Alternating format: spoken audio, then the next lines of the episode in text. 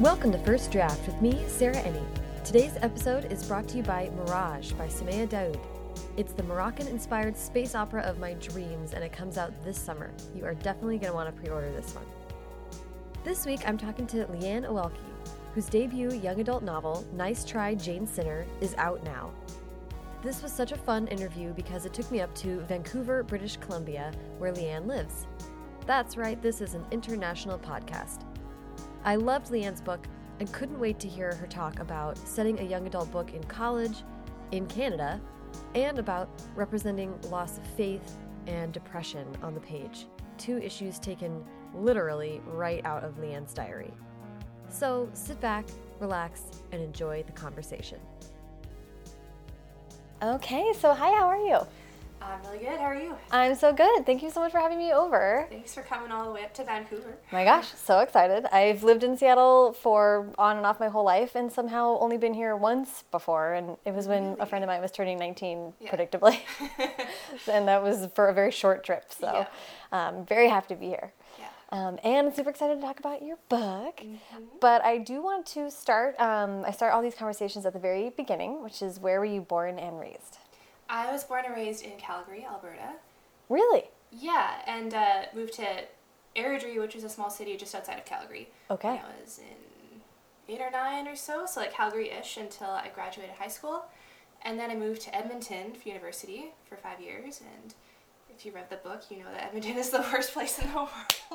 but I can say that because I lived there. And then I came to Vancouver for film school, Okay. and I've been here ever since. Okay. Yeah. So, for, how was reading and writing a part of your young life? Uh, reading was always a part of my life, for sure. Um, my parents strongly encouraged me to read all the time. My dad, especially, was big into fantasy books like Lord of the Rings and Narnia. And my parents had all this weird Christian fantasy I grew up reading, and then I discovered Harry Potter and Tamora Pierce and all that. So it The was all about reading for me. Writing, I didn't really, um, wasn't really a writer as a kid, actually one of the first things I wrote for myself was Lord of the Rings fan fiction That grade with my best friend. Oh my god, I guess, yeah. amazing! What couple, was? a couple poems? Do you remember what the fanfic was about? Uh, probably some badass elf chick that could like jump up trees and you know defeat all the orcs and all that. that would have been mine as well. yeah. Um, that is awesome. What did so? But you, and we'll get to it a little bit. But I know you kept journals at least when you were going to university. yeah. Was that lifelong habit or? Uh, not so much. I guess it started maybe in grade eleven or twelve. Okay. of high school. And one of the books I read that actually inspired me a lot more than I knew at the time is called Alice, I Think by Susan Juby. She's also a Canadian author, Yeah. and the book is set in a remote town in BC called Smithers, which, strangely enough, I have family there. Funny. That is so funny. Uh, but the book follows a weird misfit named Alice who's homeschooled her whole life and has to adjust to public school, and it's told through her journal. Mm-hmm. And so that's when I really realized that contemporary can be hilarious, and the inner thoughts of a teenage girl can be so much fun to read about. Mm-hmm. And so I kind of wanted to be like Alice by keeping a journal. Oh, that's interesting. Yeah. That's really interesting because you went from being inspired by fiction to keep track of your life, Mhm. and then from to keeping in track of your life to fiction, Yeah. which again we'll cover in a second. But and yeah, that can be it can be hard. I grew up reading fantasy too, and sometimes it can be hard to like remember that contemporary is also worth coming back to when Yeah. you're like, what is this? There's no world building. I don't understand. Where are the elves? Yeah, exactly. When is something going to blow up? Um, so no writing. That's so interesting. What about? I mean, you pursued film. Uh, have you always been a big movie buff, or? Uh, not a huge movie buff. Um, I did some courses in high school, um, film arts and stuff. I did little stop motion Lego movies for my own enjoyment. Amazing. I made like videos for my grandparents' anniversary or like slideshows for weddings, that kind of thing. So that aspect of storytelling always really appealed to me. I think. The visual storytelling Yeah, way. like putting something together myself and watching it be completed. mm-hmm. Yeah. Well, it's funny. I mean, the Lego thing and also the and a slideshow would would be heavy on editing as well. Yeah. Yeah. I think I saw in a bio that you went to one year film school. Mhm. Was it a one year program or was it? It's uh, it's pretty intense. They have six semesters in one year, and Wow. you don't really get much time off. And Yeah. evening workshops and weekend film shoots, so you don't have time to get a part time job or you know pay Yeah. for this massive, um, massively expensive program. really? Yeah. But that also, I mean, I'm guessing it's because in town, Vancouver is huge movie stuff. Yeah. So it's a good, like, actual hands on professional bridge. Yeah, it is. Like you get a lot of experience in a lot of different departments. I actually went to film school thinking I came from a desk job in Alberta in Edmonton, working for the government of Alberta. I'm like, oh, I never want to work in front of a desk again. You know, like I don't want to be in front of computers all day. I didn't really know about editing. like, oh, I want to be a director. You know, like every single film school student. Mm-hmm. But um, being exposed to what happens in post production, you get to see everybody's hard work come together on the screen. Like you get to see the production design, the cinematography, the direction, the acting, all of it, and it's yours to play with. Like it's your puzzle to put together. Mm-hmm. So I found that really rewarding, Yeah. and that's why I stuck with editing. It's almost the most storytelling. You get to decide the final product. I mean, you kind Yeah. of figure out how the story will best be told, Exactly. which is very cool. Yeah. But also, film is so wild to me because of all of the people involved and Mm-hmm. all of the time and the money. It just is like this whole other level. But Yeah. I can see the parallels between writing a book and editing a final product for sure. Mm-hmm. Okay. Well, I did want to ask, I mean, we can get to this later if you want as well, but I'd love to hear you talk about how writing a novel started and then whether the editing skills that you have, like how they translated to that process. Right. Well, starting a novel was kind of a long story. Like, I was always good at English. You know, like I could do the essay the night before and get away with it, that sort of thing. Mm-hmm. But I honestly never thought I was good enough to be an author. I thought that, like, I would read a really amazing book and think, oh, like somebody really special and talented did this. Like, Mhm. that's that's someone else's job, not mine. Like, I, I can read, but I didn't think I was good enough to write. Interesting. But, Did you um, have the desire? I mean, was it like like recognizing that you wanted to write a book but just feeling like not qualified to do it? Yeah, and so I did start to play around in university. Like, I did keep a journal, and then I did NaNoWriMo for mm-hmm. a month and failed miserably. But, like, I started a handful of, you know, maybe stories that never went anywhere, and I thought maybe that was proof that I wasn't meant to be a writer, but no, it just meant that I didn't finish anything. Right, right. So, the one that stuck, obviously, was Nice Try Jane Sinner. Hi, we have a cat friend. We do. She's wonderful. so yeah, Nice Try Jane Sinner started from my journal entries mostly. So Mhm. I would look back on what I wrote while I was struggling with depression and loneliness and isolation and all these things in university and I'm like, well, this kind of sucks. I don't want to be this person anymore, right? I don't I don't want this to be my story. So I kind of started typing some things up and playing around with ideas and making it better, more interesting, more funny. And once I decided that yeah, maybe maybe I can do something with this because like I spent my time trying to make myself laugh, right? So I'm Mhm. like, well, this is this is fun. And that's when I decided, yeah, if I'm going to write a novel, then I need a plot. Well, let's so so I want to break this down because the story is so interesting to me. I've kept a journal off and on, but I am like so loath to I feel that I would be so embarrassed by what I would find, but so I oh, I was so embarrassed by what I found. It was awful. Uh, but I, I wonder if there was some event or were you like done processing something and then wanting to go or or did you feel like because obviously not only did you look back and think about what was there and have this feeling but you wanted to do something about it you know that feels like this next step that not everyone would take if they were just sort of thinking about the person they were Yeah, I don't know if there's any one specific event or day, but university was a life changing experience for me in many ways. Mm-hmm. Um, I went to a smaller Christian university and studied philosophy, and that's when you learn to question everything you grew up believing, and that's what mm-hmm. happened. And then I realized what I thought was true, I didn't know if it was true anymore. And mm-hmm. so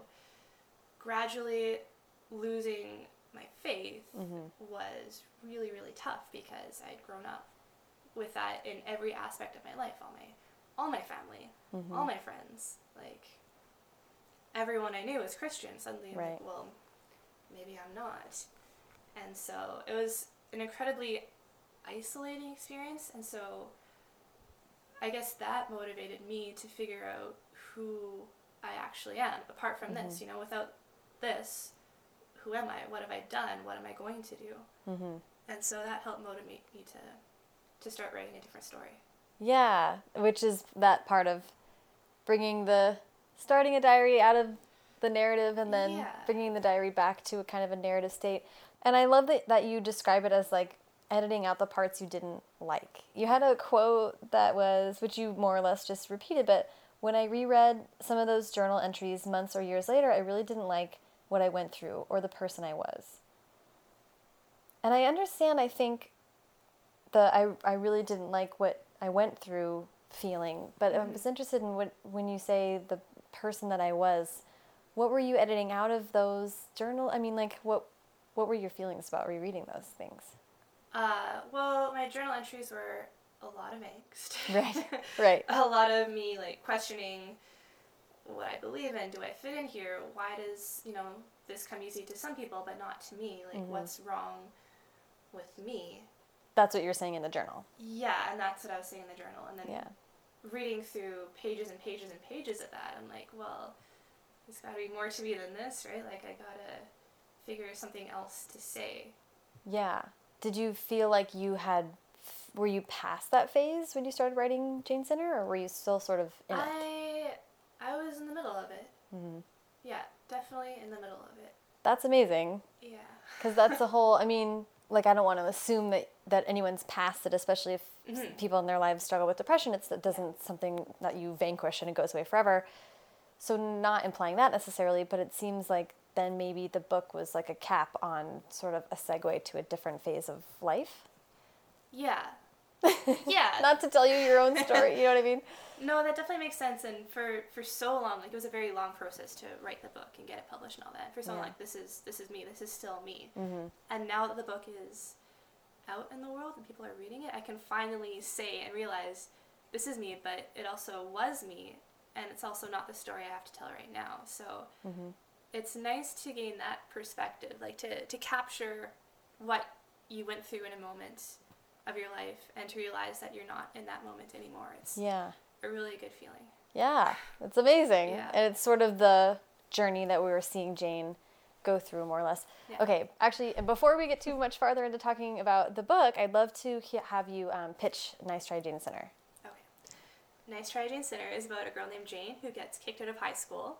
So she has to complete her diploma at a community college while going through a reality TV show.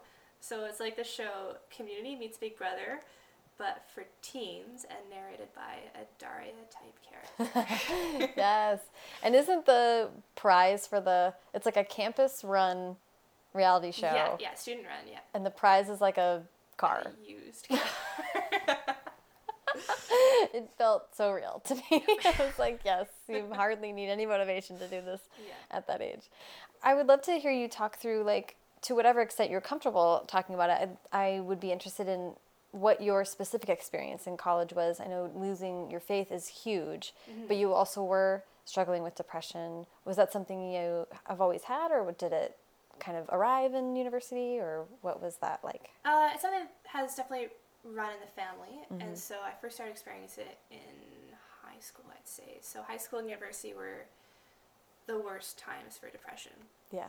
and um, for me, when I was struggling with it, I felt so alone, so trapped inside my own head, and mm-hmm. like unable to make meaningful connections with others as it was. Mm-hmm. And so, on top of that, realizing that I no longer think of myself as a Christian, and literally everyone around me does, you know, including mm-hmm. my, my roommates, my professors, Wow. all the students. Yeah. It's like, I don't know, even more alienating, and it pushed me away, or I pushed myself away from mm-hmm. from everyone because they didn't get me, and I had no idea how to make them get me, mm-hmm. which was more motivation to write because that's the one way I could control how I came across, you know, even if it was just for me. Yeah. I love that you were like, I want to have more to say. I mean, that's just such a lovely instinct to act on, you know, mm-hmm. to sort of spend time in your own head, but rewriting, like rewiring your thoughts about your experience in a way. I mean, I love that you're like, I'm going to erase the parts of the journal that I wish weren't there. And I did. After I finished Jane Sinner, I just threw out the journals and I've never, wow. I would never read them again, you know? Yeah. Yeah. They've served their purpose, right? Yeah, they're donezo. Then in the past.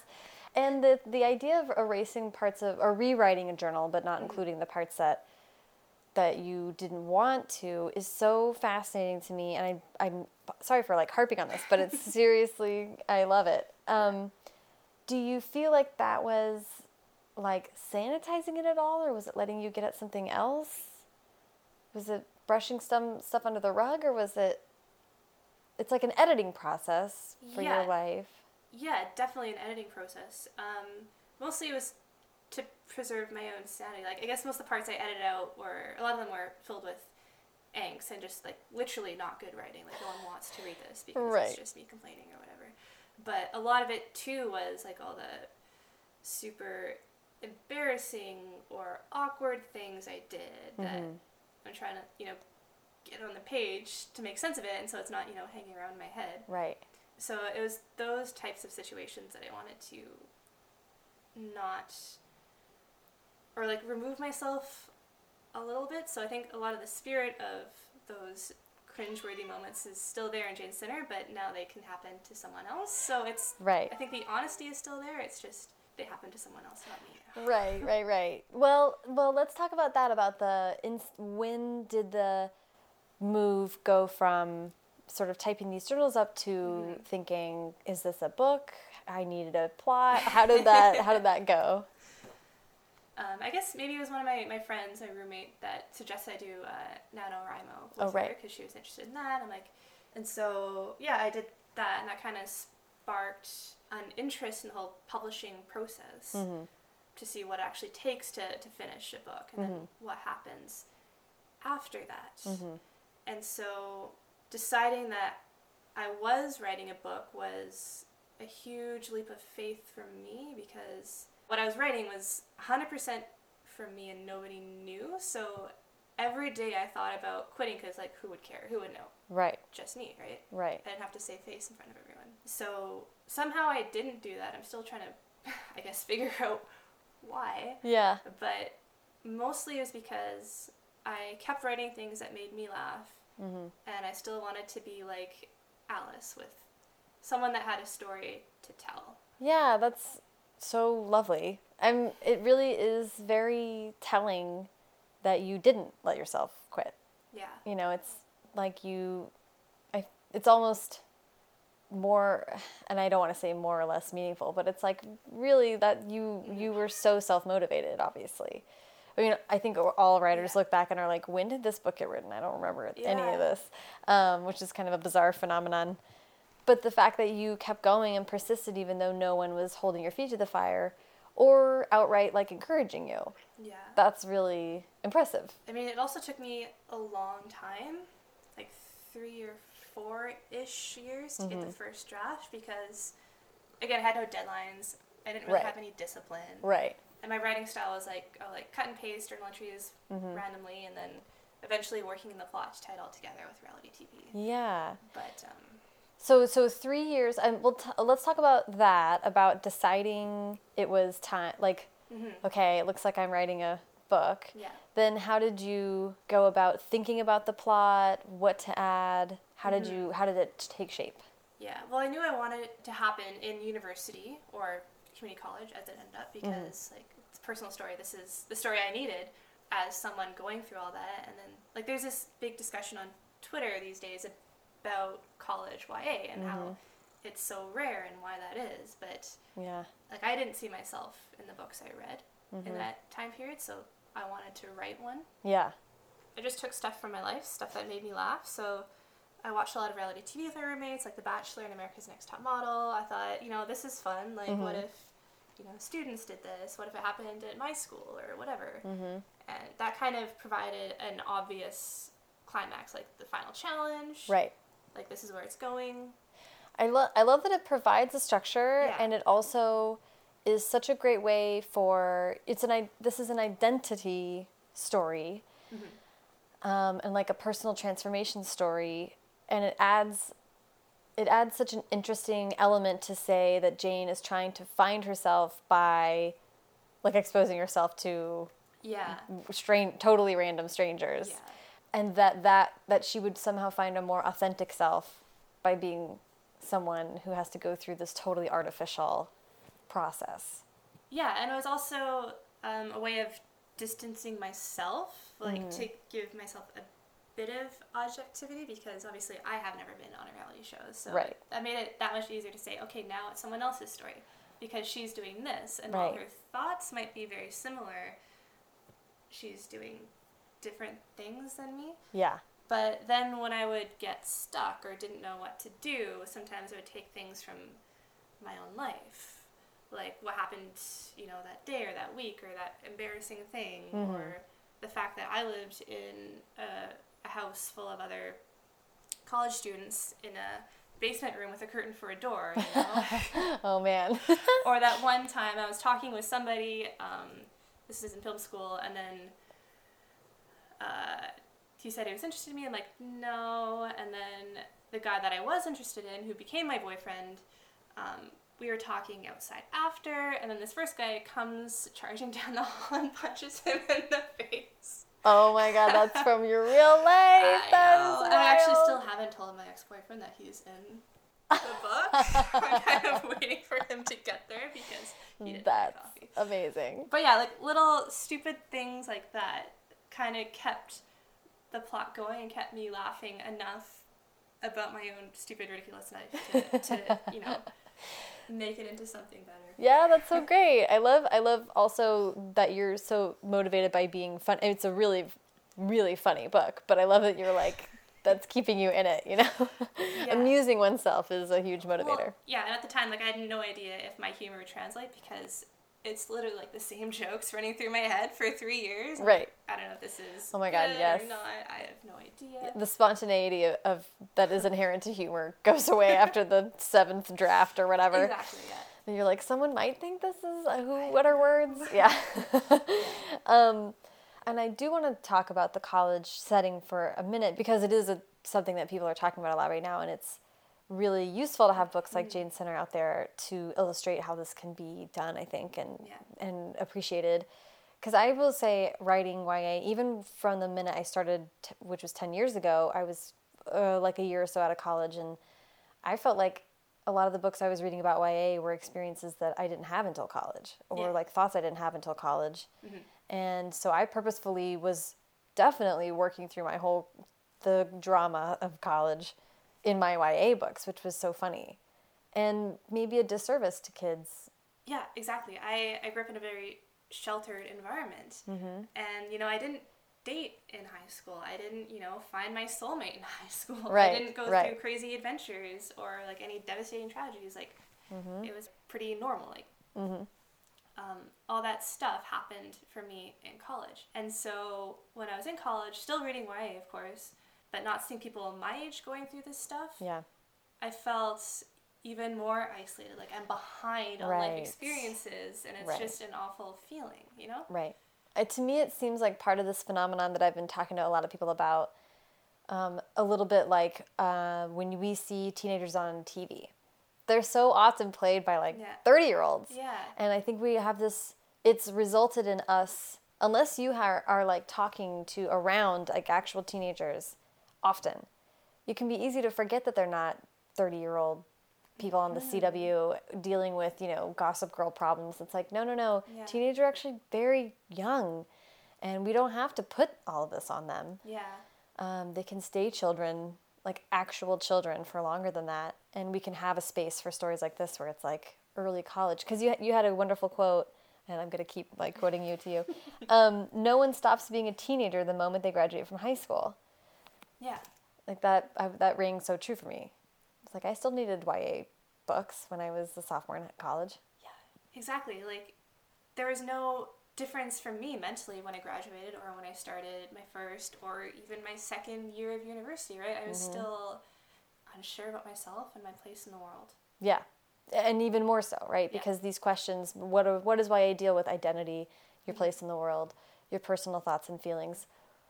Yeah. And we, I feel like we get out of doing the college experience by putting it in boarding school or making someone move. So they, Yeah. it's this artificial way of putting the college experience on someone who's younger than that. But why not just go to college? I know.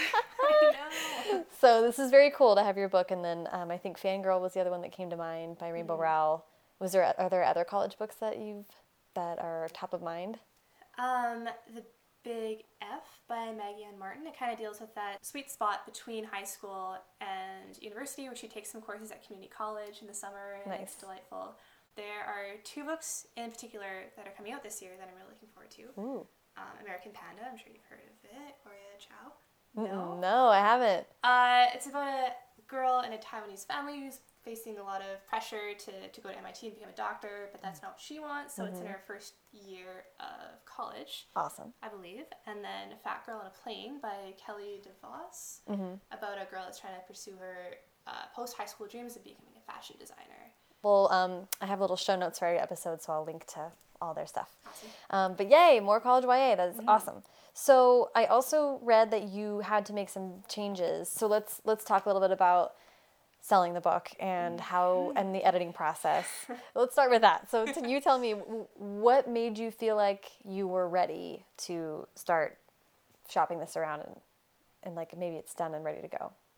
Well, I spent a lot of time doing research online mm-hmm. while I was writing and finishing, like seeing what other people did, like when they knew they were done, when they mm-hmm. started trying to find an agent, what an agent does, and all that. Mm-hmm. So I did find a couple of critique partners online through um, Absolute Write, and I put my first chapter on there, and then I get a message in my inbox from some person named Becky Albertalli, and she said, Oh yeah.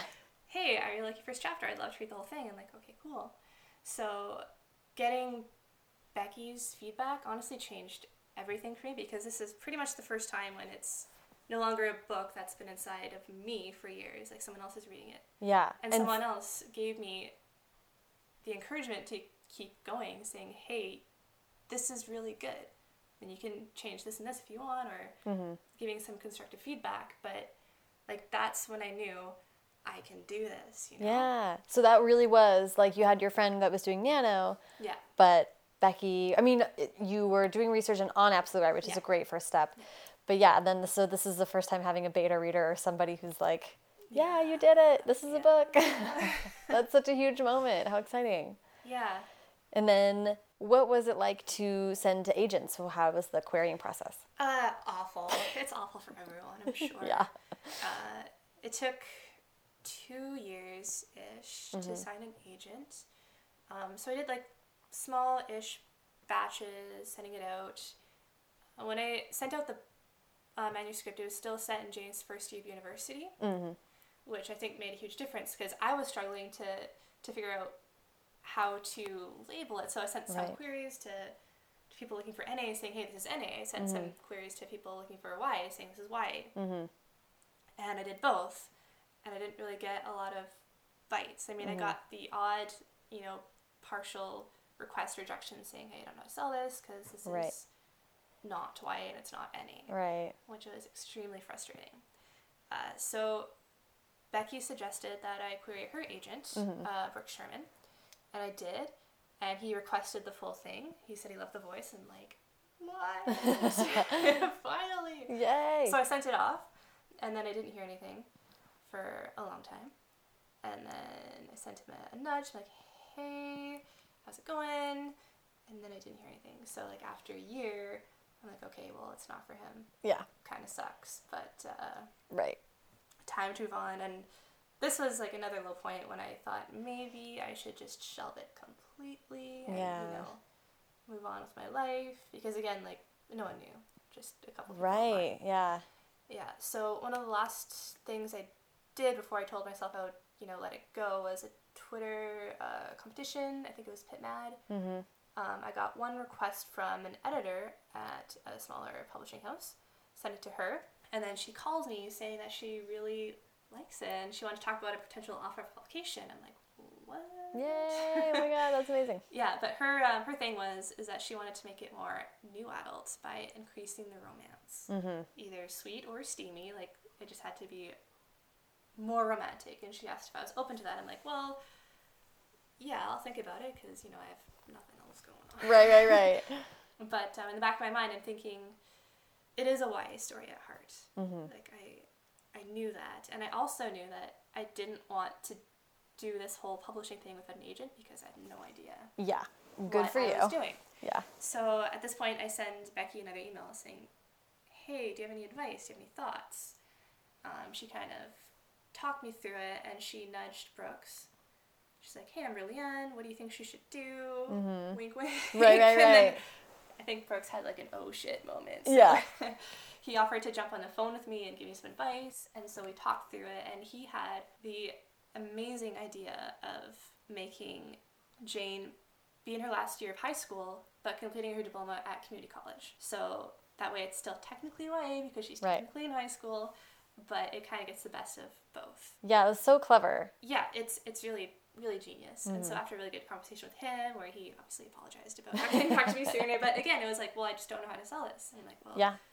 yeah, I, I get that now. So Yeah. uh, I ended up with Brooks offering representation, which I gladly accepted, and we worked on those revisions, and that's how the uh, the combination YA-NA setting. How it becomes like community meets yeah. yeah, which is so great. Um and felt really organic, like with everything that happens in the story. Like, no spoilers, but it makes a lot of sense and it really works narratively and it was so I loved that. Yeah. And I love that you recognize what the story was. Like, you know, coming up, up against sort of those challenges can make you can make the story clarified. So sometimes I know sometimes those really frustrating experiences you're like, well, at least I know the book better now.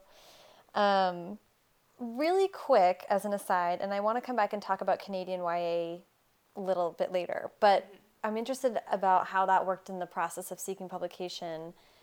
And I'm asking this because I have no clue. Like, when you were thinking about publishing a book, how did you think about it's obviously a Canadian book, and you are a Canadian author.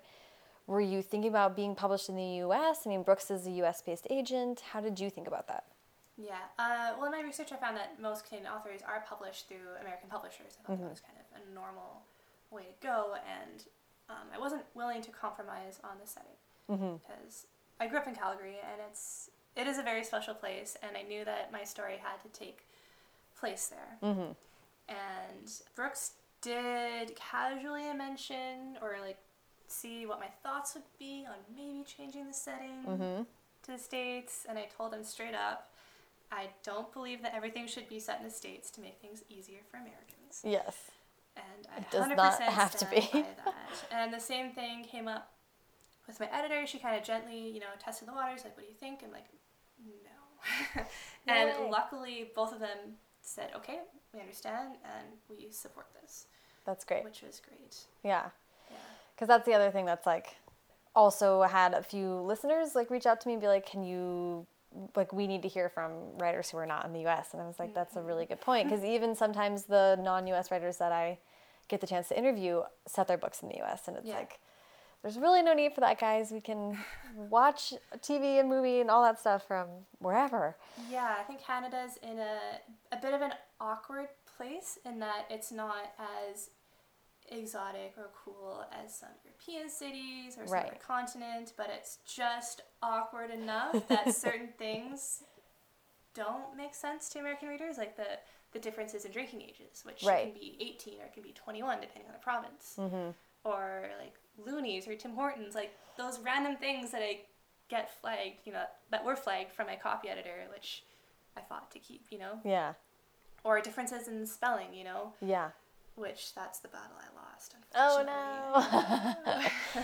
well, it's funny because, and as you know from writing a book that's meant to be funny, specifics are the heart of. I'm, I'm. It's the heart of a, telling a story that sticks. It's the heart of comedy. It's so important to have yeah, those. I really wanted it to be the story had to be grounded in a place that I knew because this, in a way, is my story. And there's Mm-hmm. Yeah. something about Calgary. It's a, a city in the prairies. It can be very cold. It can feel very lonely because it's in the middle of nowhere. Like Yeah. pretty much all Canadian cities are in the middle Right. of nowhere. but it's also got this potential. Like it's a busy, growing city, and you can see from miles or kilometers or both or Yeah.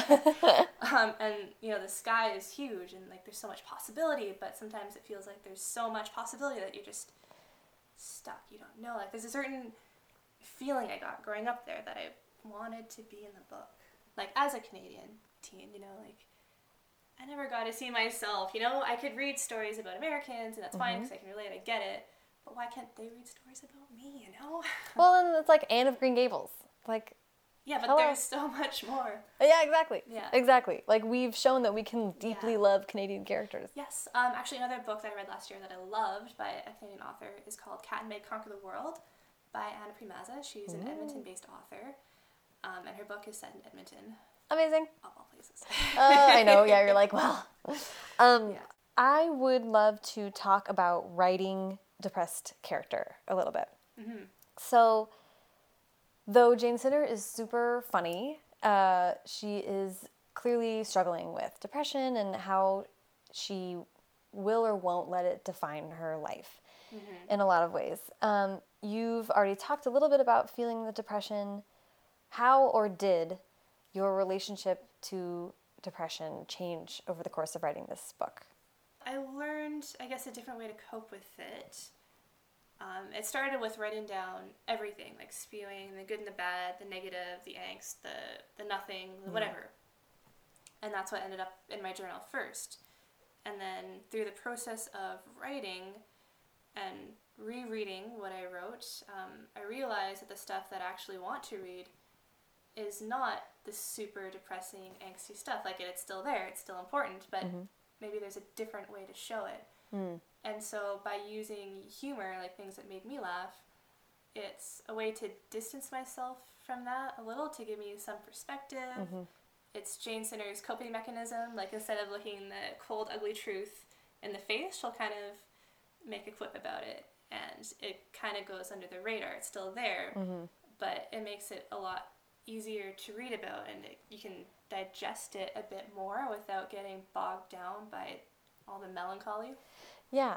De- And that's uh, how reality TV kind of helps with that too. Like everything is now dramatic and ridiculous, and while depression is still there, it's still very much a part of who she is and what she struggles with. Um, now there's this new layer, this new filter that we can use to kind of approach it. Yeah, and it also was interesting because an element of the reality show that Jane goes on is that people have to like her.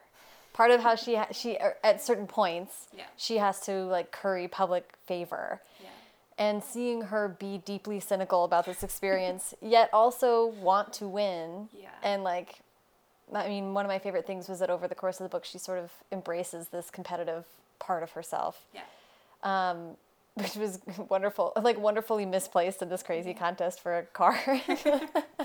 but um, having the humor element sort of even lets you be a little bit more raw and honest because then those moments, the, the, the lulls are even more starkly contrasted to the kind of quippy snappiness. Um, so I think that's like a really, that was a really smart way to, to do it. Um, I have an, an odd request. I've never done this before, but there's a passage that, if you don't mind, I would love to have you read. It's just a couple paragraphs, Okay. but it was one that I like. I was like reading it in bed and like sat up and was like stumbling across the room to get my highlighter. Um, so it's this paragraph and this paragraph on page 142. If you don't mind, I would love to have you read it. Yeah, absolutely. I read something in a book once. It said, What if you could look back on your life so far, on every mistake, every triumph, every painful or horrifying or happy or embarrassing moment, and say to yourself, I'm glad for every one of these moments? What if you could say, I wouldn't change a single thing about my life because each thing has made me who I am now? There is no divine plan, no destiny, no life after death, and no compensation for what you lose. There's only here and now. There's only what you've done and what you're going to do. And if you can own up to every moment and take responsibility for your life and shape it into something beautiful and kind and generous, if you can do that, you've discovered what it means to be strong. Uh, that passage like was so striking to me, and I read it and highlighted it before I knew the diary aspect of this book. And then the sentence immediately after that is those might have not been the exact words, but it was how I felt like remembering them. and so I just would love to I mean hear you talk about what that what that part of the book means to you and was this something that was ripped from the from your diary? Uh, this was ripped from one of my philosophy classes, actually, uh, an existentialist class on Friedrich Nietzsche. Mm-hmm. Um, he has this concept, and basically, the concept um, says that in order to, to live your best life, you have to embrace every single moment that led you to where you are because each of those moments, whether it's awful or embarrassing or triumphant, each of those has led you to where you are now, and you wouldn't be who you are without everything that has come before. So if you can embrace everything and say, yeah, if I had to do this life again, I would do it exactly the same. Mm-hmm. That's the ultimate affirmation of life. It was so lovely, and I felt just like, you know, a teen reading this book. That's such an important message to talk about. Like, you share a lot of her awkward moments and her embarrassing stories, and she does some outlandish things for the sake of this TV show. Yeah. So to have that sort of a, as a parallel, like thematic element along with it, felt really important to me, and especially when she's talking about thoughts that sometimes she can't control or feelings that she doesn't understand. And um, and then on the next page, we am going to very much attempt to talk about the spoiler free. I think we can do it. But there's an uh, event that makes her have to go to community college instead of finishing high school traditionally. And she talks about having to get over something and she's talking about having to deal with this sort of regret or thing that happened in her life and that she wanted to, to go away completely. And jane on it's page 144 she says if i stayed home whatever was wrong with me would have stayed inside my head. I couldn't very well drown myself in introspection and hope for the best although that's easier said than done. Fixing myself was not something i could do with no one watching. I thought that was so i don't know i just kind of want to hear you talk about what you feel about that passage that was such a such a fascinating way to think about recovering from feeling sad or trying to figure yourself out like mm-hmm. having to fail out loud kind of Yeah, well, Jane realizes that, you know, she doesn't live on her own, she doesn't live in a bubble. Like, she lives in a world full of people who know her, think things about her, or will assume, right? Like, whatever she does, whatever screw ups she has, they're already out there. Mm-hmm. And so, if she wants to do something better with her life, if she wants to make any changes, like, it doesn't mean anything unless those changes affect other people. Mm-hmm. That's so interesting. I mean, what were you when you were? This book is about. It's about depre- It's about many things, but depression is one of them. Did you think about what kind of message readers would take from the book, or was it more about you working through your own experience? It was about me. Yeah. it was always about me. Yeah, to be honest, I didn't really think too much about, you know, what I want readers to take from this or what I want people to learn. What I wanted to do was write my own raw, honest journey, you know, like change a few things, add mm-hmm. in some reality TV, but have the heart of it be true to my experience. And if someone else can can see that and say, oh, that's me too, I'm not alone, that's all I wanted. Yeah. Yeah. I feel like, much like we're talking about specificity, I don't think you have to have an necessarily think about your reader all the time. I think mm-hmm. telling the most truthful, honest story is going to inherently give the reader something worth thinking about. And that's sort of some people are very conscious of thinking about their readers, and that's great. But um, I'm not always either. My books are almost always just like amusing to myself. So Well, I I think there's something to say about honesty and vulnerability. yeah, I mean, if you mean it, if you're sincere, if this affects you deeply, then chances are someone is going to get that.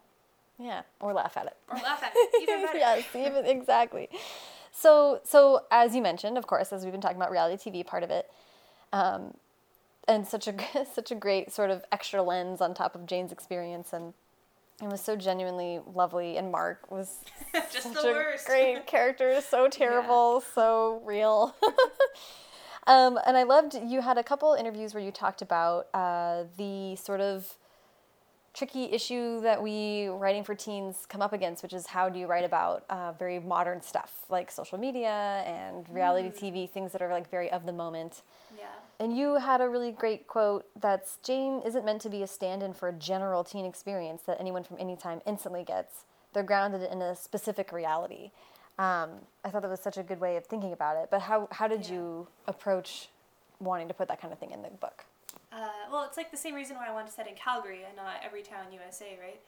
Jane uses social media. She uses Facebook. She sort of uses Twitter. Like these are, are real things. It would have felt dishonest for me to approach it as you know, trying to pass these things off as something else or give them a different name just for the sake of I don't know making it last longer, more relevant. That doesn't really make sense because every time I read a book and you know the author says on the latest social media platform or whatever or gives it a name like that instantly takes me out. And maybe this mm-hmm. is different for everyone but i don't know it just draws attention to itself in a way that just using the term that it is mm-hmm. doesn't. And i really don't think that facebook or youtube or twitter are going to go away anytime soon.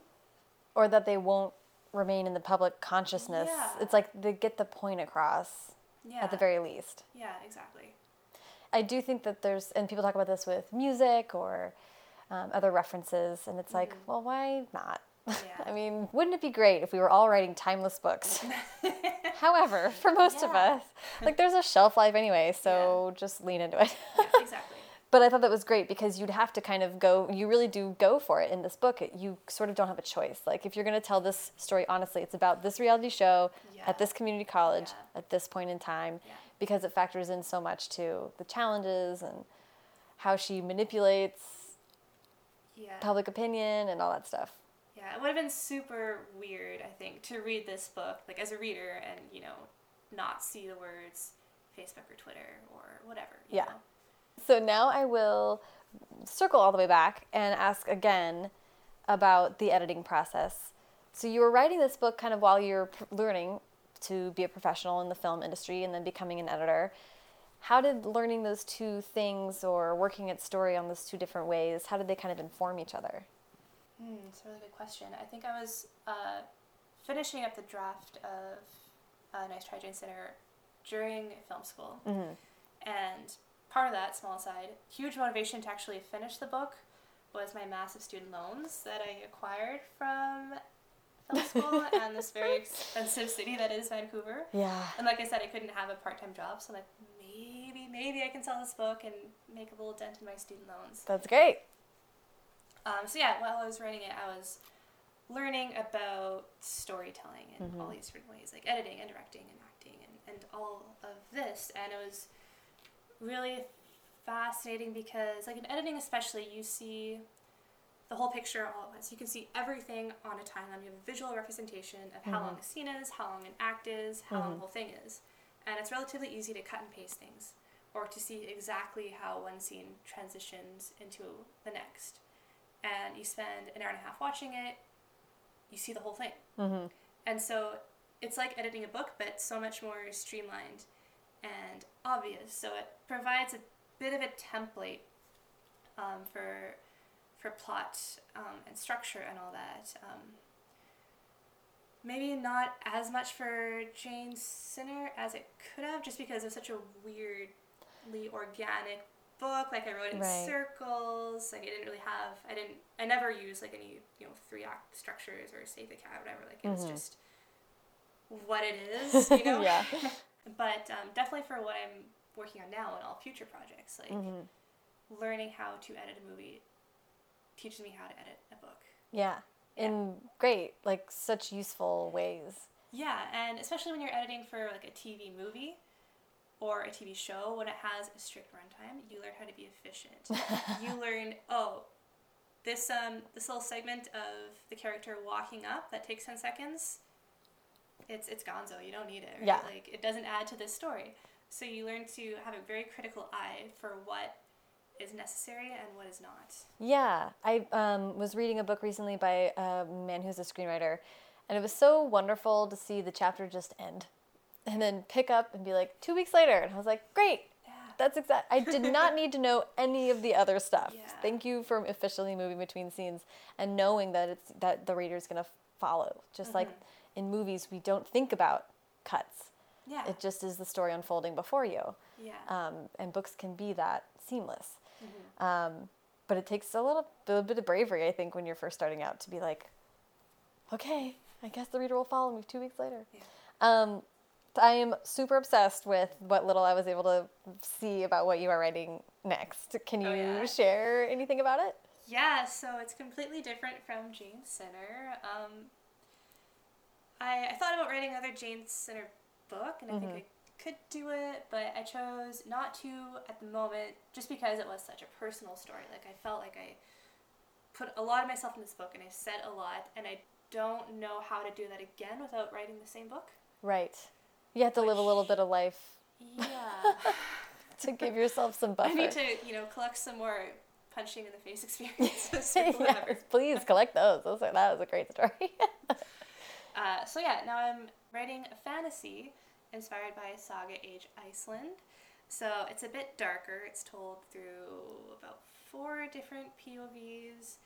So without giving too much away, it's about a girl, a daughter of two farmers, who knows she can't die, or she knows where she will die, so that makes her pretty much invincible oh. ever else. So when a volcano erupts and threatens her family's farm, she has to go and find this sorceress tyrant trying to take control of the island and ask her to help because she's the only one that could stop the eruption. But in doing so, she has to confront her own dark magic and realize that she's a lot more like this person than she wants to admit. Ooh, that is awesome. Um, amazing. what did so so Jane Sinner had such an organic start. Mm-hmm. When did you start thinking about life post Jane Sinner? How did new ideas come to you? What was Well, that like? It's been stressful from many different reasons. Um, I actually started writing something completely different after Jane Sinner sold. Mm-hmm. It was like a monster movie type way set in Vancouver, um, which was fun at first, and then I get 60,000 words in, I realize like my heart's not in it. Oh man, sixty this. k. That's pretty far in. Dang. And so I had to have an honest conversation like with myself. Is it just me giving up because it's getting tough, or is Mm. this me trying to make something work that isn't gonna work, and I should just cut my losses? And it turns out it was the second. Wow. Did you had Brooks read it? Had you had your beta readers read it? No, he read like the first two chapters, and he Mhm. really liked the voice. And I think the voice is what was my favorite part about it too. Mhm. But um, part of why I wanted to write that one was because I knew I wanted to get into fantasy, and I thought Oh. maybe this is kind of a bridge Mhm. book mixing contemporary and fantasy. Because advice that Brooks gave me, and it's really good advice, is that you write two or three books in the same genre before branching out. Mhm. Because what I'm trying to do, um, making the jump from contemporary to fantasy, it's like starting over again in so many ways. Yeah. Um, I don't know what he's gonna You were do like noted. However. Yeah, and so once I told him this is where I'm at, this is really what I want to do, and I want to write more fantasy after that, Mhm. he's like, yeah, okay, I'm on board. Let's Yeah. make this work. So that's really good. That's great. Yeah. It is scary to genre jump. it's jump. so scary. Like I still, you know, wake up in the middle of the night sometimes, like, what am I doing? is this gonna work? Like everything that you know works so well in Jane Sinner, that everything I'm proud of is the voice and the humor, and mm-hmm. that is really hard to translate into fantasy. And Yeah. again, I don't want to write the same book, but I do want there to be voice and humor in fantasy. Right.